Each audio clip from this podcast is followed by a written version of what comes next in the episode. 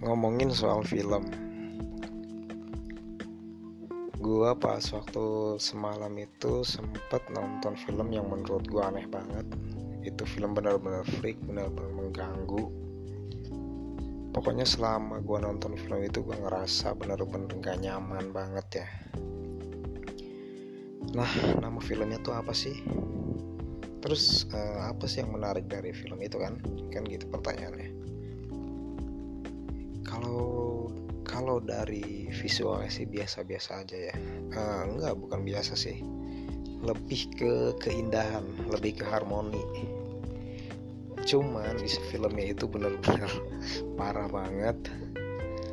Bener-bener menurut gua itu lebih horor daripada film horor. Karena lu bayangin aja dari dari awalnya itu uh, jadi ceritanya tuh ada sekumpulan remaja yang bermasalah. Mulai dari kuliah percintaan. Ya pokoknya udah udah confusing banget. Nah terus ada satu temennya ini orang Swedia yang nyaranin gimana kalau kita liburan aja. Gimana kalau kita ikut liburan musim panas sama gua. Nah diajaklah sekumpulan remaja itu ke tempat temannya ini yang di Swedia kalau untuk awal-awal tuh film ini nggak nggak ada yang aneh ya. Normal-normal aja. Cuma setelah mereka sampai terus mereka ketemu sama orang-orang yang ada di kampung itu bawaannya tuh lain atmosfernya tuh lain. Kayak wah gila ini tempat keren banget gitu. Penuh dengan harmoni.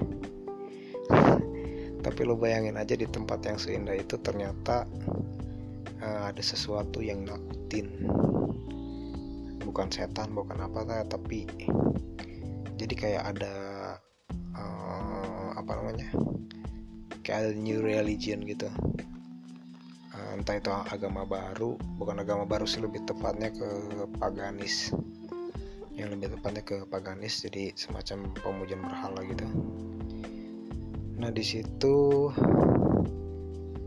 uh, gimana sih? Intinya pada akhirnya mereka tuh kena trap dijebak sama si temannya ini yang dari Swedia yang awalnya cuma liburan ternyata ada maksud terselubung gue